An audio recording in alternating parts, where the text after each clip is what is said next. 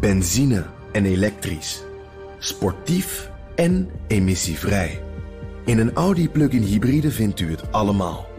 Ervaar de A6, Q5, Q7 en Q8 standaard met quattro vierwielaandrijving. Wat u ook zoekt, u vindt het in een Audi. Audi. Voorsprong door techniek. Dit is een BNR-podcast. Dit is Dossier Europa. Mijn naam is Geert-Jan Haan. En elke maand stuur ik een jonge correspondent op pad naar een andere uithoek van de Europese Unie. We zijn in Italië. Dit is aflevering 2. Vastere grond onder de voeten.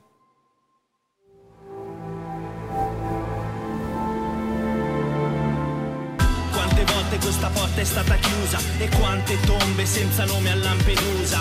Quante volte questa porta Zonder waardigheid.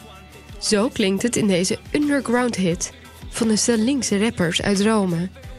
De tocht van migranten naar Lampedusa bezingend. Het is de hiphopgroep Assalti Frontali, die op hun album uit 2011 niet-westerse migranten en vluchtelingen welkom heten. Maar hoe warm is dat welkom? Als de migranten het eiland Lampedusa, symbool voor de aankomstplek in Europa, hebben verlaten en vastere grond onder hun voeten krijgen,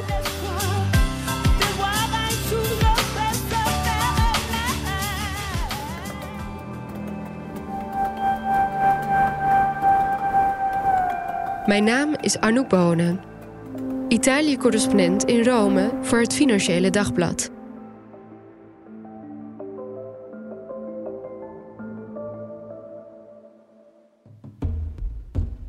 Diep gelegen in de provincie van Trapani, in de buurt van de gelijknamige havenstad in het noordwesten van Sicilië, doemt een wit gebouw op langs een landweg. Het huis oogt strak. De enige tekeningen op de gevel zijn de bewegende schaduwen van de daaromheen wuivende palmen. Grote cactussen doemen achter het huis op. Wie niet beter weet, zou niet opkijken van enige wilde binnen. Maar een hek ontbreekt om de illusie te wekken dat het huis aan een maffiabaas toebehoort. Dit is een opvanghuis van de sociale coöperatie Badia Grande. Een plek waar kwetsbare vrouwen worden opgevangen nadat ze van ver en op illegale wijze zijn aangekomen in Italië. Al snel verschijnen er schuchtere gezichten als ze hun sobere kamers uitschuifelen om hun verhaal te doen. Tegenover me staan twee vrouwen uit de Ivoorkust. Twee nichtjes van 25 en 24 jaar oud, die de dag ervoor hier naartoe zijn gebracht. De kustwacht bracht ze aan land na een schipbreuk op zee die aan verschillende mensen het leven kostte.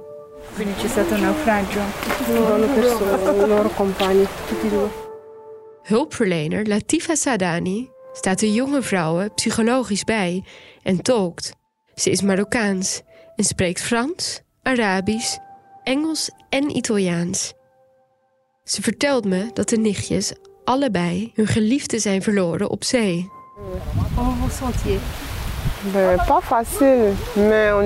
Avec. Het is niet makkelijk, zegt een van de nichten. Maar ze proberen door te gaan en het leven van de goede kant te bekijken. Twee jaar lang woonde en werkte ze in Tunesië, in de confectieindustrie. Maar, zeggen ze, ze zijn weggejaagd door het regime. Intimidatie en geweld tegen zwarte mensen nam vorig jaar toe. Onder aanmoediging van president Kais Saied. De autoritair leider zou namelijk een omvolkingscomplot aanhangen. Of hun verhaal waar is, met name het deel waarin ze stoïcijns vertellen over hun omgekomen partners, ik vind het lastig om te peilen. Ik geloof ze graag, maar ik voel me ook wat verloren als interviewer. Qua gevoelswereld ver weg. Hoe kan ik ook maar een fractie van hun leven begrijpen? Veel migranten, met name vrouwen, weten: hoe meer leed, hoe meer kans op asiel. Al is de weg daar naartoe niet zonder inspanning. Zo vertelt coördinator van het opvanghuis, Alba D'Ambrosio. Eh. Het proces van de asielaanvraag duurt op papier zo'n zes maanden. Maar, vertelt ze, die tijd wordt vrijwel nooit gerespecteerd. Want de wachttijden voor afspraken zijn lang. Denk aan de afspraak met de commissie, die moet beoordelen of de asielaanvraag gegrond is. Vervolgens moet er weer worden gewacht op de uitspraak. Nel caso in cui l'esito è positivo, allora eh, è molto più semplice procedere con i documenti. Is de uitspraak onmiddellijk positief, dan is het proces relatief simpel en kan het worden versneld, zegt Alba. Maar is de uitspraak negatief en is er dus sprake van een afwijzing, dan opent zich er een lange rechterlijke weg waarbij de migranten in beroep kunnen gaan.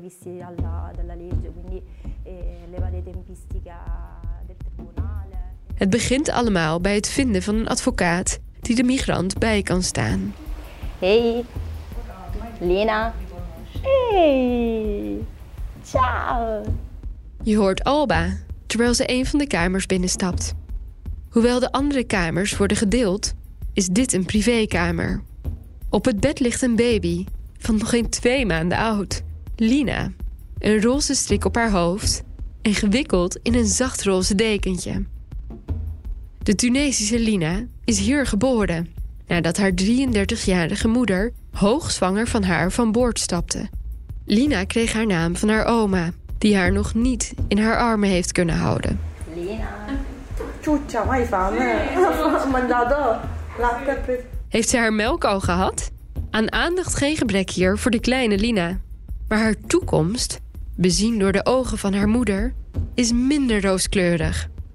Vader zit, gescheiden van de familie, in een ander opvanghuis.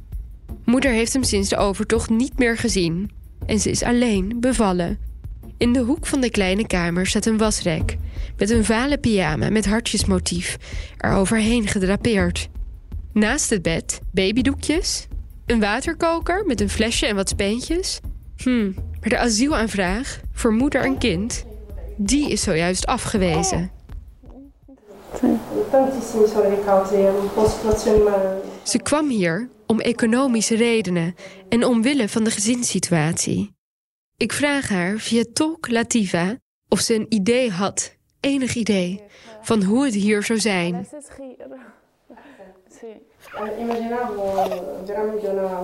Ze had zich een beter leven voorgesteld in Italië, zo zegt ze, met een iets wat opgelaten lach.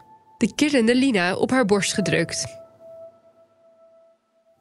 Ik loop met Alba, de leidinggevende van de opvangcoöperatie, langs olijfbomen terug naar haar kantoor, waar getekende bloemen en foto's van de hulpverleners met de migranten op de muren prijken.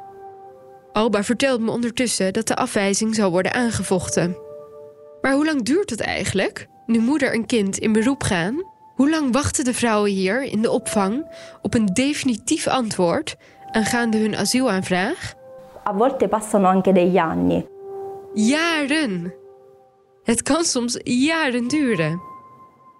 Solitamente per le donne rispetto a- agli uomini eh, è diverso, nel senso che la donna... mm, Al geeft ze aan dat bij vrouwen het vaak wat sneller gaat dan bij mannen. Want in veel gevallen zijn de vrouwen slachtoffer in een spel van mensenhandel. Als dat bij de commissie kan worden aangetoond, komt er vaak vlotter een positieve uitslag. di commissione, questo viene fuori ed è un motivo per cui riescono ad avere subito una sorta di... Cultureel mediator Latifa valt haar bij. Spesso vengono mm, persone, specialmente in questo centro, donne anche traumatizzate, mm, che hanno subito De vrouwen in dit centrum zijn vaak getraumatiseerd en hebben te maken gehad met seksueel geweld of langdurig fysiek geweld tijdens hun reis. Ook Latifa spreekt van mensenhandel. Het was een kwestie van lang bellen en aanhouden voordat ik mocht interviewen op een eerste lijns opvangplek zoals deze, die kleinschalig van aard is. Bij de grotere centra, waar soms wel honderden tot duizenden migranten, vaak mannen, tegelijkertijd verblijven, kwam ik niet binnen. De verhalen die daarover de rond te doen, zijn niet mals. Als ik hoor over sommige van de condities, snap ik dat ze geen pottenkijkers willen. De plekken doen soms aan als gevangenissen, zo zegt men.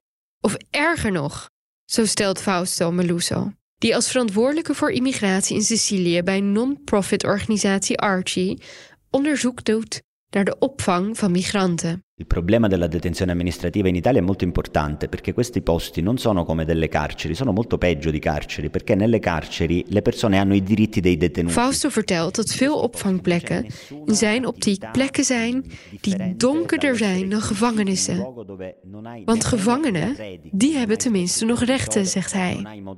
Rechten die migranten vaak ontberen. Hij spreekt over plekken zonder meubels, zonder televisie, veelal zonder informatie zonder sociale contacten en met een zeer beperkte bezoekmogelijkheid. Contact met advocaten is in dat soort grote opvangcentra zeldzaam en, voegt hij toe, de tijden waarin een migrant in zo'n onmenselijke toestand verkeert, zijn steeds langer. Want, zegt hij, de regering heeft, zoals hij dat noemt, de administratieve detentietijd de afgelopen jaren alleen maar verlengd. Il business dell'immigrazione. Een business, zo noemde hij het opvangstelsel voor migranten in Sicilië. Gezien het gestoeld is op private coöperaties die publieke aanbestedingen winnen. Hij noemt dat een probleem. È gestita da enti e associazioni che sono private che entrano in questo mercato per ragioni economiche e per tentare di de motieven om de markt te betreden zijn vaak louter economisch van aard, zo stelt hij. Fausto vertelt hoe zijn organisatie melding heeft gemaakt van tientallen zaken waarin misbruik van de situatie werd gemaakt. Geld verdienend over de rug van migranten, met onvoldoende voorzieningen in de centra. Maar de klachten werden vaak in de wind geslagen. Actie ondernemen, zegt hij, tegen de eigenaar van zo'n centrum dat is ingewikkeld. Want waar breng je dan al die migranten naartoe? Considera che per 4.000 persone ospiti. Hij vertelt dat centra zo'n 30 euro per migrant ontvangen. In sommige van de centra zitten wel 4000 migranten. Tel dus maar uit. Ik zit met Fausto op een coworking plek in de kleurrijke volkswijk Ballarò in Palermo. Van achter zijn bril kijkt hij me strak aan.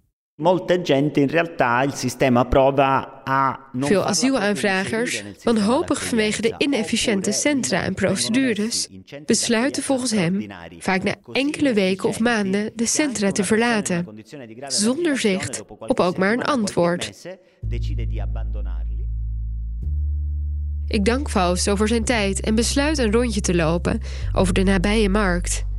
Daar wemelt het van de verschillende invloeden en culturen. Wie is hier eigenlijk Palermitaans?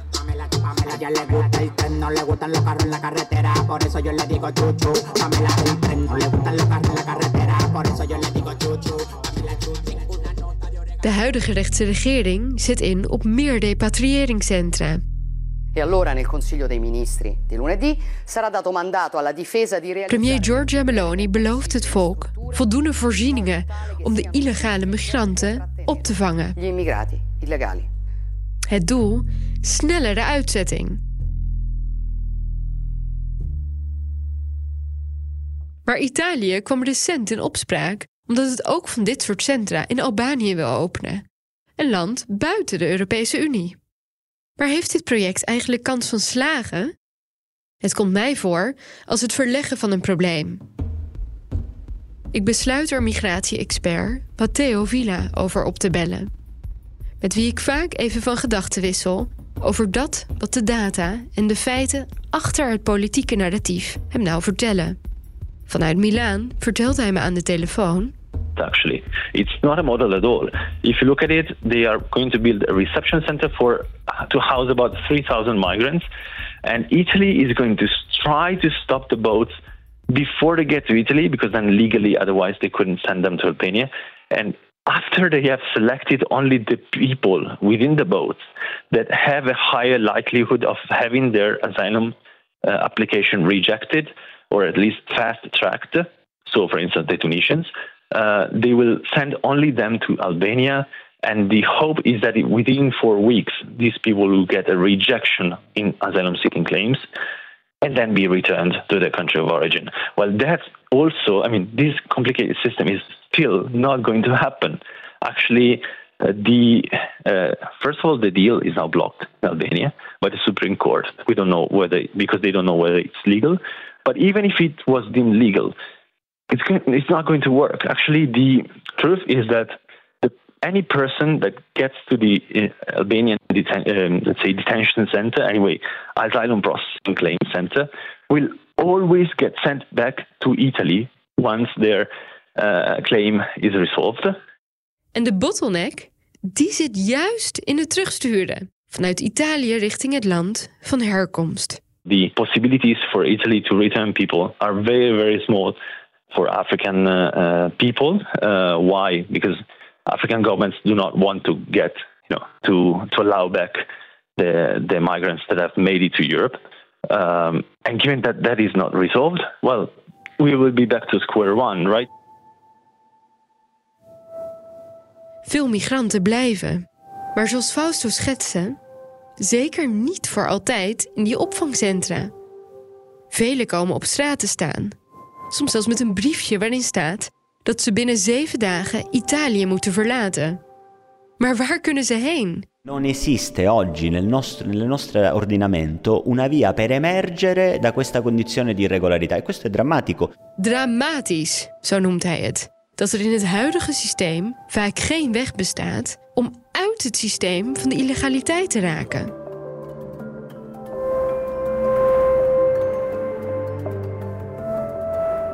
Veel migranten zijn gedesillusioneerd, vermoeid, vol vragen. Hun doel was duidelijk: Italië. Maar nu ze er zijn, hebben ze vaak geen idee van hoe verder. Zo duiken ze op in Noord-Europese landen, waar hun asielaanvraag wordt geregistreerd. En zo komt het dat aankomstland Italië niet bovenaan de Europese lijsten met meeste asielaanvragen prijkt.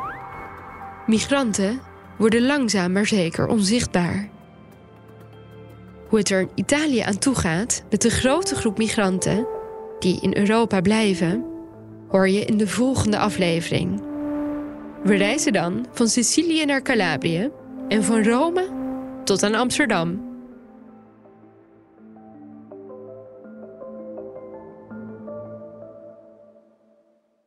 Vond je deze aflevering leuk? Abonneer je dan, als je dat nog niet hebt gedaan. En mis niets. Benzine en elektrisch. Sportief en emissievrij. In een Audi plug-in hybride vindt u het allemaal. Ervaar de A6, Q5, Q7 en Q8 standaard met quattro vierwielaandrijving. Wat u ook zoekt, u vindt het in een Audi. Audi. Voorsprong door techniek.